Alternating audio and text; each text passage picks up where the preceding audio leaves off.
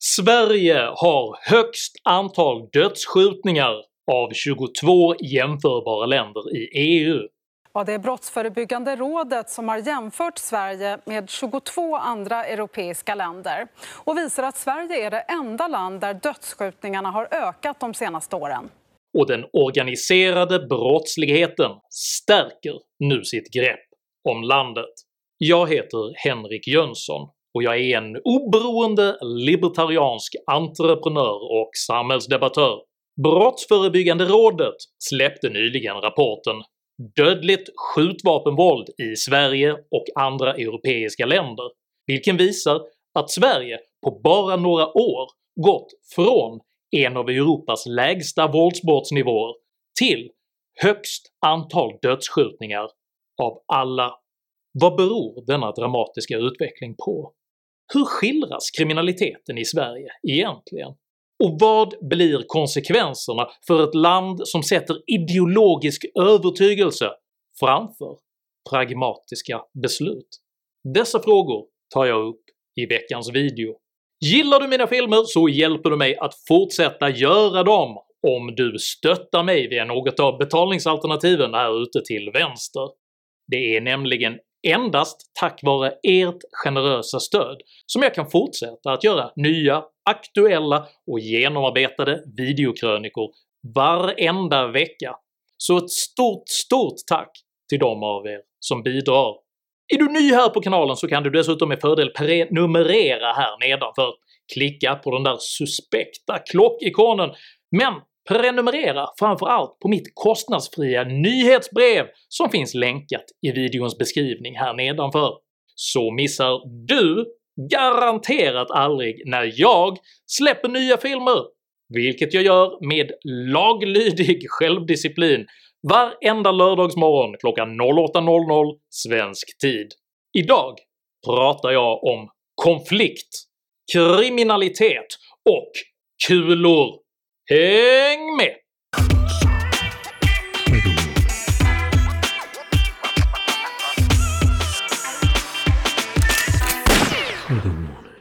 Been spending most their lives living in the gangsters paradise. Så skaldade den flamboyant koafferade gangsterrapartisten Coolio i sin hitlåt “Gangsters Paradise” från 1995. Låten skildrade artistens egen uppväxt i Los Angeles-stadsdelen Compton som under 1990-talet präglades av kriminalitet, dödsskjutningar och gängkrig. I 1990-talets Sverige framstod den verklighet som amerikansk gangsterrap skildrade som så avlägsen och exotisk att frontmannen för Sveriges dåvarande största inhemska hiphopgrupp, The Latin Kings, valde att åka dit på studiebesök för att få inspiration till gruppens nästa skiva. Den svenska förort som The Latin Kings för 25 år sedan välkomnade oss till har idag, beroende på vem man frågar, döpts om till antingen utanförskapsområden eller till no-go-zoner. Och ingen av dessa områdens musiker behöver längre resa utomlands för att hitta just gangsterinspiration för i förra veckan fastslog en ny rapport från Brottsförebyggande rådet att Sverige nu har högst antal dödsskjutningar per capita av 22 jämförbara länder i Europa. Men hur gick Sverige från en av de lägsta kriminella våldsbrottsnivåerna i världen till att ha det högsta antalet dödsskjutningar i Europa? På grund av detta ämnes känsliga natur vill jag inleda med att understryka att min kritik inte är riktad mot någon etnisk grupp utan problematiserar det svenska samhällets hantering av landets kriminalitetsutveckling. Sveriges kriminalitetsproblem är graverande och värda att ta på mycket, mycket stort allvar. Jag vill därför inskärpa att jag inte accepterar rasistiska utspel i mina kommentarsfält. Dessa är kontraproduktiva distraherar från sakfrågan och underminerar framförandet av välbehövd och legitim kritik. Tack för att ni som kommenterar respekterar detta. Hycklare! Hoppla! Street-Henrik har kommit på besök! Men varför kallar du mig hycklare? Du har sagt “get over it” om brottsligheten och då hycklar du när du pratar om brottsligheten. Nej, nej, alltså du missförstår mig. Jag menar att det är meningslöst att älta brottslighet som fenomen om man inte tittar på de underliggande strukturerna. Du vill bara sänka skatten och tjäna pengar och get over it i hyckleri! alltså, nu får du lugna ner dig, Street-Henrik. Jag vill att alla ska tjäna pengar. Men även brottslighet styrs ytterst av samhällsekonomiska drivkrafter. Det är till exempel mer lönsamt att vara kriminell i ett land med få poliser, med låga straff och med en godtrogen statsförvaltning som sitter på mer skattepengar än vett. Och detta drar till sig organiserad brottslighet. Därför är det viktigare att eliminera de ekonomiska drivkrafterna än det är att hänga upp sig på de fenomen som det ger upphov till. Så get over it själv, Street-Henrik. Så du menar att du inte hycklar? Ja, men gå och lägg dig nu din enfaldiga tröttmössa. Eller lyssna. Så kanske du faktiskt lär dig någonting istället.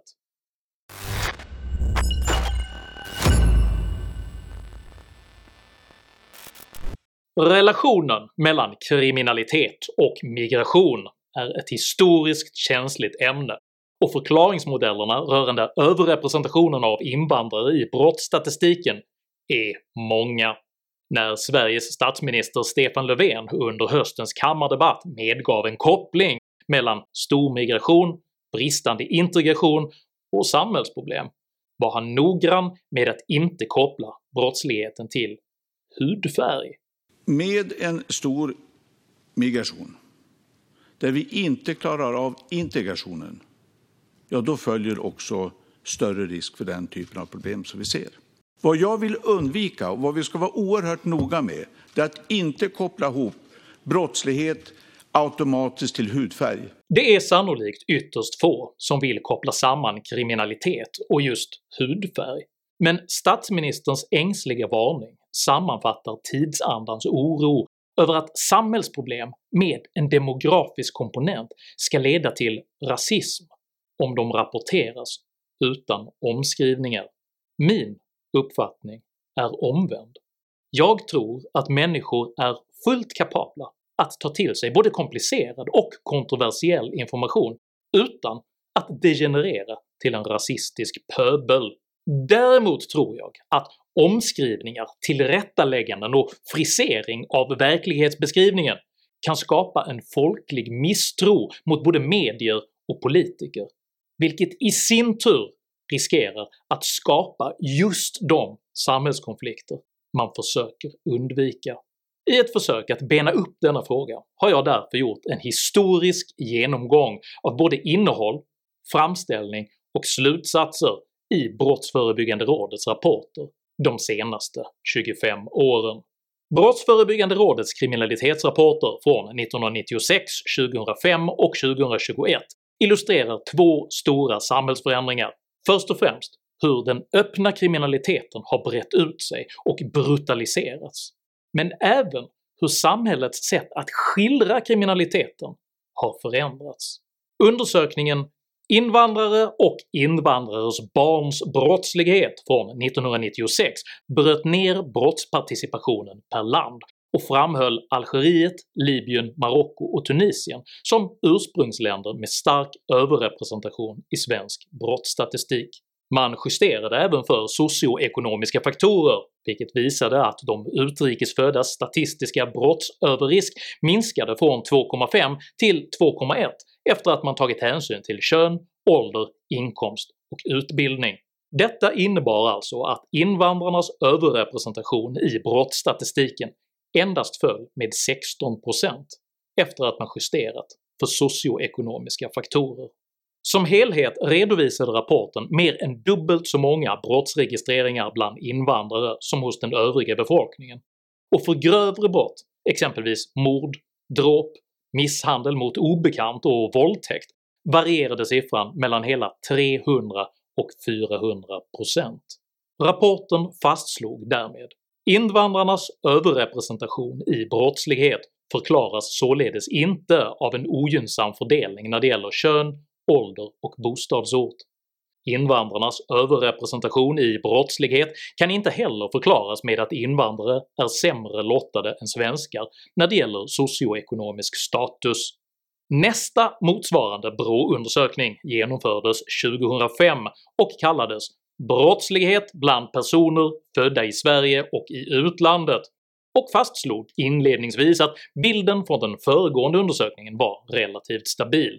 Man hade nu dock slutat att bryta ner brottsstatistiken per land och redovisade istället i form av stora områden av typen Nordafrika, eller det mer enigmatiska Västasien. Sammanfattningsvis visade Brottsförebyggande rådets rapport att invandrarnas generella överrepresentation gällande registrerad brottslighet efter justering för socioekonomiska faktorer fortfarande var ungefär dubbelt så stor som hos den övriga befolkningen. Efter detta gjordes ingen motsvarande undersökning på 16 år. Men i Sveriges Televisions rapport den 4 april år 2010 fastslog den tongivande kriminologiprofessorn Jerzy Sarnecki att om man jämför svenskar och invandrare som lever under samma förhållanden så blir skillnaden mycket, mycket mindre. Så sent som 2017 sa justitieminister Morgan Johansson blankt nej till att ge Brottsförebyggande rådet i uppdrag att ta fram ny kunskap rörande vilket land brottsmisstänkta kommer ifrån, vilket motiverades med orden det har gjorts både i Sverige tidigare och det finns otaliga internationella studier som alla visar ungefär samma sak att minoritetsgrupper ofta är överrepresenterade i kriminalstatistiken, men när man rensar för socioekonomiska faktorer så försvinner det nästan helt och hållet. Förskjutningen från den av Brottsförebyggande rådet redovisade minskningen på 16% efter justering för socioekonomiska faktorer gick alltså via Sarneckis luddiga “mycket, mycket mindre” till Morgan Johanssons “så försvinner skillnaden nästan helt” under de 12 år då BRÅ inte ombads ta fram någon ytterligare kunskap i ärendet alls. När regeringen 2020 slutligen så gav BRÅ ett liknande uppdrag igen avgränsades rapportens omfång strikt till att endast studera nivåer och trender i dödligt våld med skjutvapen och andra våldsmetoder i Sverige och jämföra dessa med andra europeiska länder. Det ingår inte längre något analysuppdrag, och BRÅ konstaterar själva lakoniskt i rapportens inledning. Även om det inte ingår i uppdraget att studera detta är frågan om skjutningar i kriminell miljö högst aktuell. Och varför i Sverige? Även om det inte uttalat ingår i BRÅs uppdrag att söka svar på dessa frågor är det värdefullt att betrakta resultaten i ett bredare perspektiv. Det är svårt att inte tolka BRÅs återkommande referenser till undersökningsuppdragets hårda avgränsningar som besvärande kunskapsrestriktioner, och det är tydligt att den politiska makten sedan undersökningen 1996 i allt högre grad försökt utforma BRÅs uppdrag för att undvika ideologiskt besvärande slutsatser. De svenska problemen är dock nu så stora att inte ens de mest utstuderade avgränsningar längre kan dölja den katastrofala underliggande situationen. På 20 år har Sverige gått från botten till toppen i den dystra statistiken över hur många som varje år skjuts till döds räknat per invånare. Samtidigt som dödligt skjutvapenvåld minskat i övriga Europa så har utvecklingen i Sverige gått i motsatt riktning. Här har det istället ökat kraftigt. Och hur kommer det sig då att så många ändå anser denna situation bero på just socioekonomiska faktorer?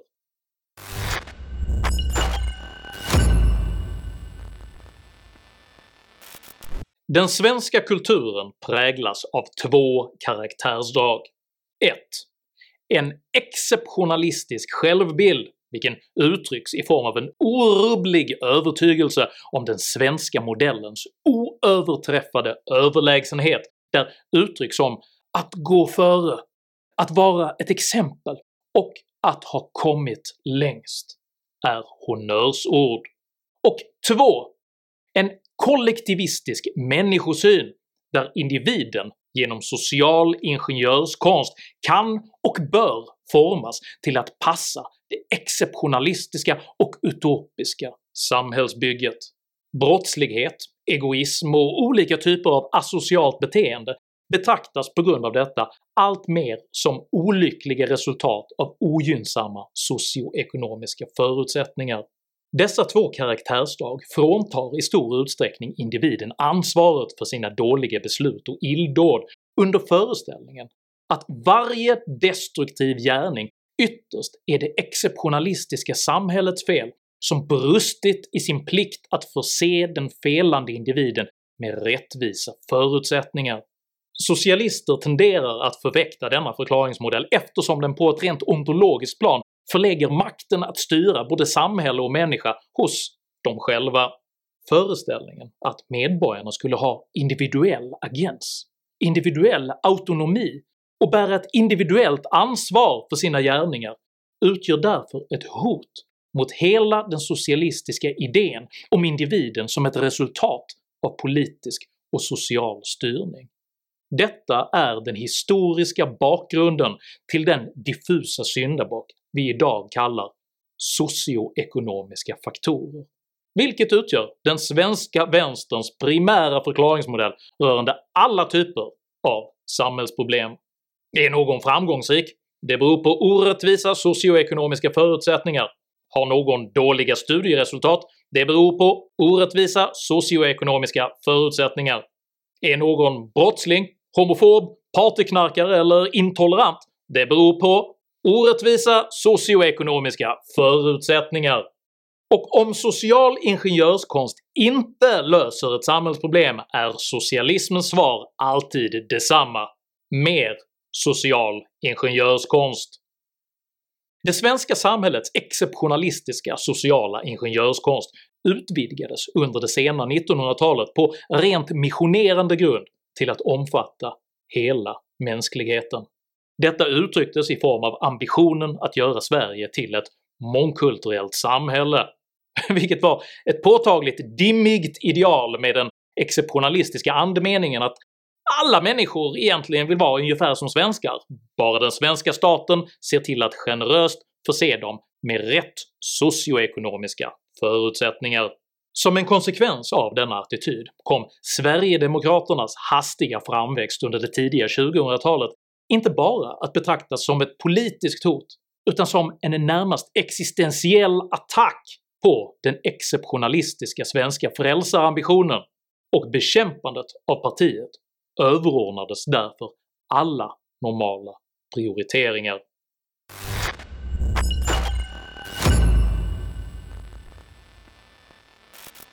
2005 års rapport från Brottsförebyggande rådet redovisade inte längre vilka ursprungsländer som stack ut i brottsstatistiken, eftersom detta sannolikt befarades gagna invandringskritiska krafter och för att det riskerade att försvaga de socioekonomiska förutsättningarna som förklaringsmodell.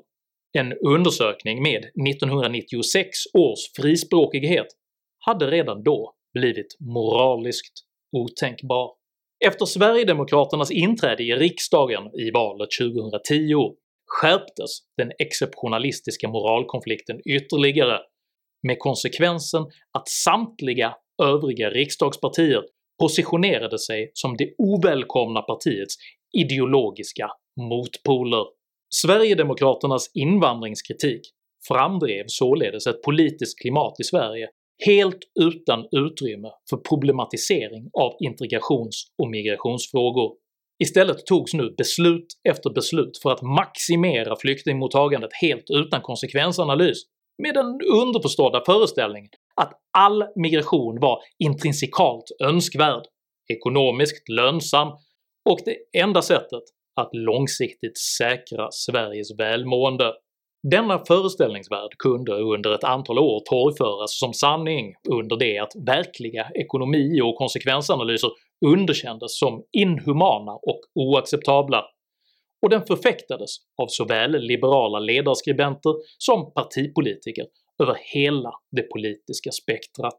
Sveriges statsförvaltning var i stort sett oförberedd på det mycket stora flyktingmottagandet som under åren 2015 och 2016 inträffade till följd av den politik man drivit, och integrationsarbetet blev därför svårt lidande. Som konsekvens försågs de kriminella ligor som sedan länge hade opererat i Sverige med ett betydande nytt rekryteringsunderlag, varvid konkurrensen om bland annat drogmarknaden hårdnade, med våldsamma konflikter som följd. Innan vi fick Rimfrost så var det ett akut läge inom Region Mitt i Uppsala. Eh, det var oroligt i de kriminella miljöerna och vi krasst sett väntade egentligen på nästa gängmord. När den kriminella brottsligheten på grund av detta började märkas i samhället i stort tillämpades inledningsvis en mycket tveksam kommunikationsstrategi där både politiker och media konsekvent bemötte all folklig oro över samhällsutvecklingen genom att hamra hem budskapet att Sverige aldrig hade varit tryggare och att våldsbrotten inte ökade. Detta stämmer, vilket naturligtvis är utmärkt, men de brott som minskat är av icke-systemhotade art, som till exempel hustrumisshandel i hemmet, slagsmål på krogen och lägenhetsvåld mellan missbrukare. Vi hade förut eh, eh, våldsbrott och, och eh, eh, dödande som var mer eh, inom låsta dörrar så att säga, i, i en lägenhet mellan missbrukare eller i, i, nära relationer. Det har minskat. Nu har vi den här typen av brottslighet istället. Och samtidigt växte en helt ny form av systemhotande våldsbrottslighet fram i Sverige där organiserade brottssyndikat byggde upp eget våldskapital i form av bombattentat och automatvapen, något som en påtagligt yrvaken statsminister år 2020 kommenterade så här kanske vi inte riktigt såg det komma. Vi kanske inte såg det komma, såg nog inte det riktigt komma. Vi har inte varit riktigt förberedda på att det också skulle kunna eh, drabba oss. Från och med 2017 blev kriminalitetsproblemen så omfattande att man bytte det meningslösa mantrat om att våldsbrotten inte ökade mot mantrat att gängen nu skulle knäckas. Bara under 2017 meddelade man “Vi ska knäcka gängen” Gängkriminaliteten ska knäckas, vi måste knäcka de kriminella gängen och vi är på väg att knäcka den organiserade brottsligheten. Under 2018 hälsade man “Vi ska knäcka gängen”, “Vi ska knäcka gängen” och år 2019 hette det “Kriminella gäng ska knäckas” och oväntat specifikt Ann-Sofie Hermansson ska knäcka de kriminella gängen. 2020 byttes Ann-Sofie Hermansson ut mot en sannolikt lämpligare polis som istället nu skulle knäcka gängen. Och i år har man redan hunnit hälsa att det både är A och O att knäcka gängen samt att polisen äntligen fått en chans att knäcka gängen. Det är mycket, mycket osannolikt att regeringskonstruktionen som står för dessa repetitiva budskap om knäckande skulle ha kapacitet att knäcka någonting annat än landet Sverige. Så som kriminaliteten är nu så finns det ingen quick fix utan det kommer att ta tio års hårt arbete från hela samhället om vi ska få ordning på det här. Tio år? Tio år, minst tio år. Jag kommer att bli svårt förvånad om brottsligheten har minskat om tio år. Vi ska vara glada om den har ökat lite grann bara.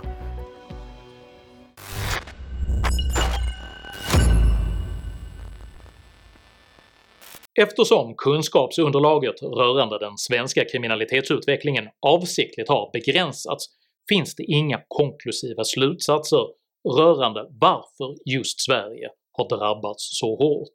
Det går däremot att urskilja en palett av grundkomponenter som sannolikt i olika utsträckning har bidragit till den unika svenska kriminalitetsutvecklingen, varav jag kallar den första pull-faktorer.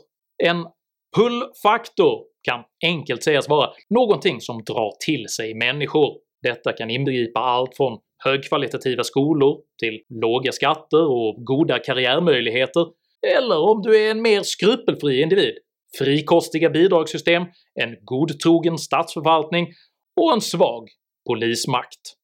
Och Sverige utgör en veritabel lyxbuffé av just pullfaktorer.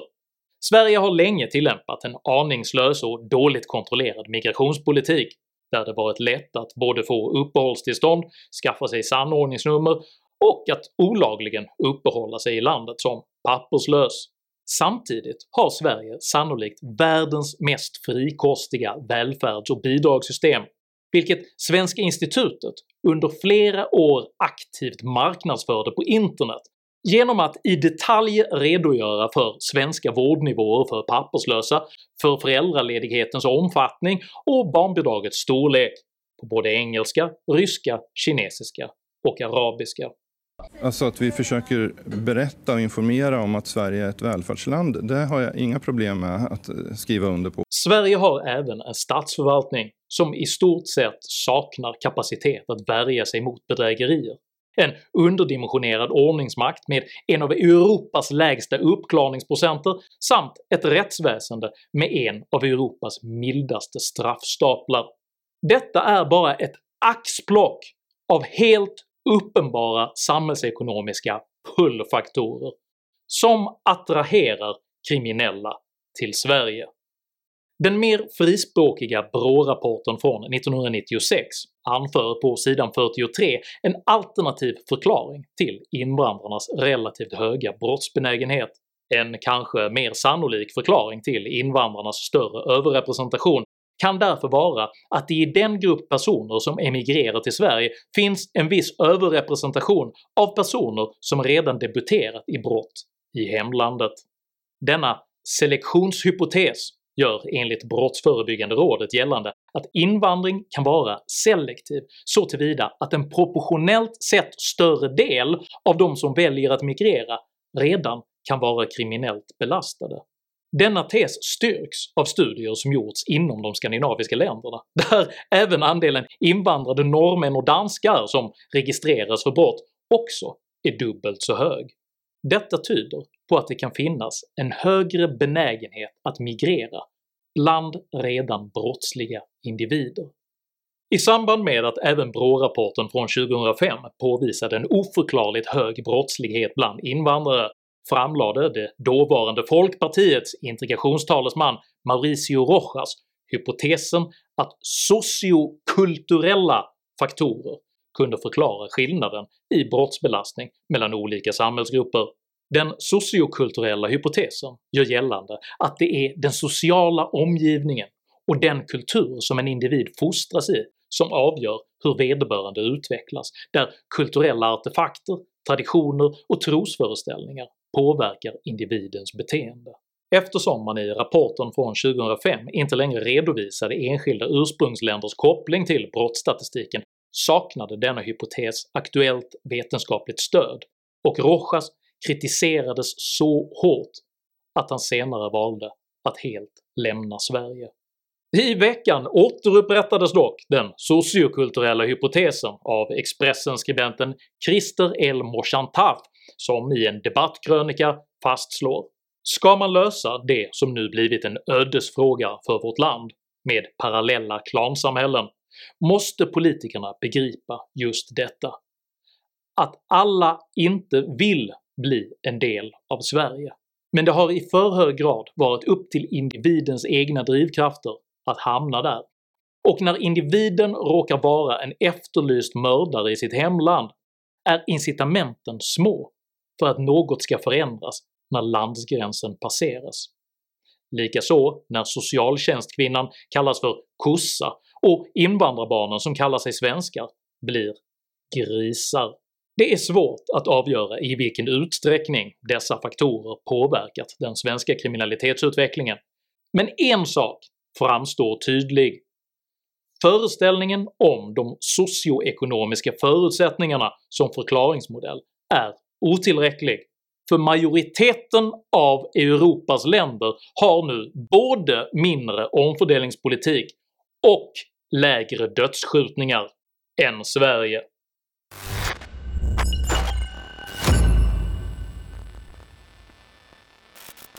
Den exceptionalistiska reaktionen på att Sverige nu har högst antal dödsskjutningar av de 22 europeiska länder man jämfört med är förutsägbart relativiserande.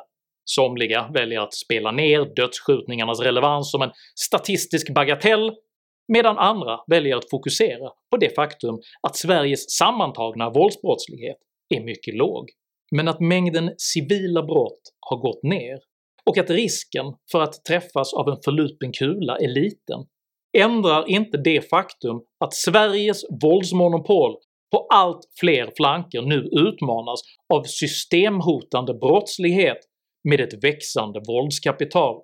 Den svenska benägenheten att relativisera och utlokalisera problemen representerar inget försök att förstå och lösa dem, utan är bara ett försvar av den existerande socioekonomiska förklaringsmodellen.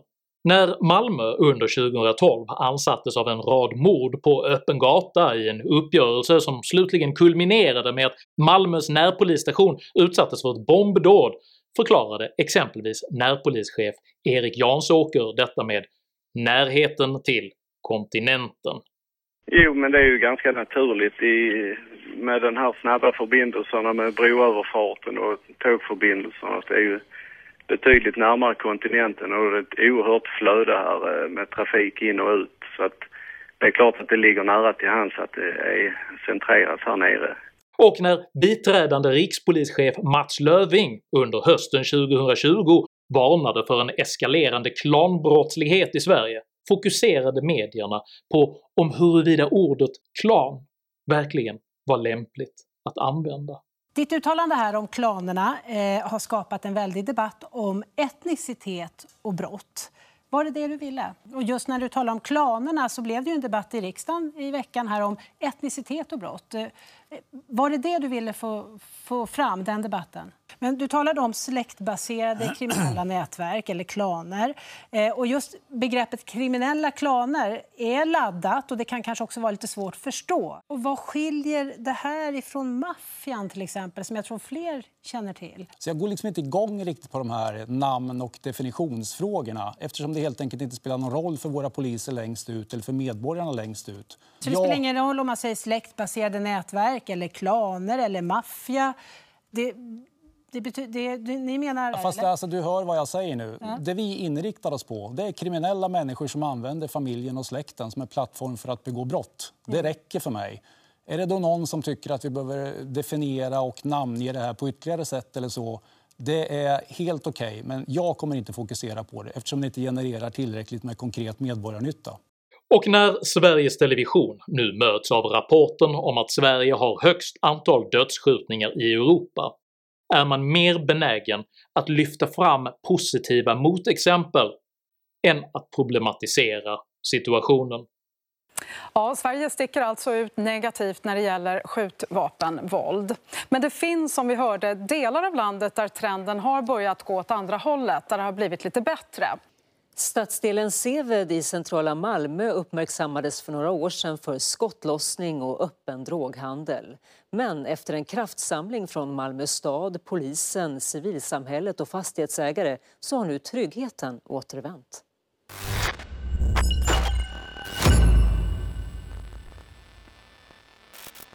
Med ett riksdagsval i antågande är den politiska viljan att kunna visa på förbättringar naturligtvis mycket stor så ser vi att eh, det här året till exempel, om vi jämför med förra årets skjutningar, så är skjutningarna ner med ungefär 40 procent.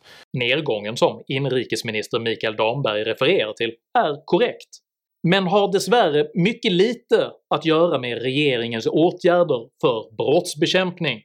Anledningen till att ett stort antal yrkeskriminella kunnat fängslas är att fransk och nederländsk polis lyckats knäcka den krypterade kommunikationstjänsten Encrochat och därigenom kunnat förse svensk polis med ett stort antal krypterade chattar som lett till arresteringar. Knäckandet av Encrochat och de efterföljande arresteringarna är naturligtvis mycket, mycket bra, men är närmast att betrakta som en statistisk avvikelse i en övrigt eskalerande brottstrend. Man bör i sammanhanget även minnas att coronapandemin också sänker samhällets kriminalitet på ett generellt plan Eftersom de flesta sitter hemma har varken gatuvåld eller inbrott förekommit i typisk omfattning. Eftersom dessutom nattklubbar och uteställen håller stängt har även efterfrågan på rekreationsdroger fallit, vilket direkt påverkar de kriminella organisationerna. Man bör på grund av detta vara återhållsam med att dra allt för stora politiska växlar på en tillfällig nedgång i brottsstatistiken eftersom varken pandemier eller storskaliga avslöjanden av Encrochat-typ kan tillskrivas svensk brottsbekämpning. Nej, vi har hemska problem med butiksstölder i Västerås just nu så att polisen har dragit igång en pandemi för att få stopp på eländet. Sverige har på inget sätt börjat vända den verkliga kriminalitetsutvecklingen. Tycker du det är bättre att ha ett pragmatiskt förhållande till samhällsproblem än att försvara en ideologisk övertygelse? I så fall tycker jag att du ska dela den här videon med dina vänner, och varför inte prenumerera på min YouTube-kanal när du ändå är i farten? Har du egna erfarenheter av Sveriges kriminalitetsutveckling? Dela i så fall gärna med dig av dina upplevelser i kommentarsfältet här nedanför. Jag uppskattar all respektfull kommunikation. Låt mig dock ånyo inskärpa jag accepterar inte rasism, aggression eller personpåhopp i mina idédrivna kommentarsfält. Var artig, respektfull och saklig om du vill kommentera. Tack för att ni som kommenterar respekterar detta. Jag heter Henrik Jönsson och jag tror varken på exceptionalism eller social ingenjörskonst. Tack för mig, och tack för att ni har lyssnat.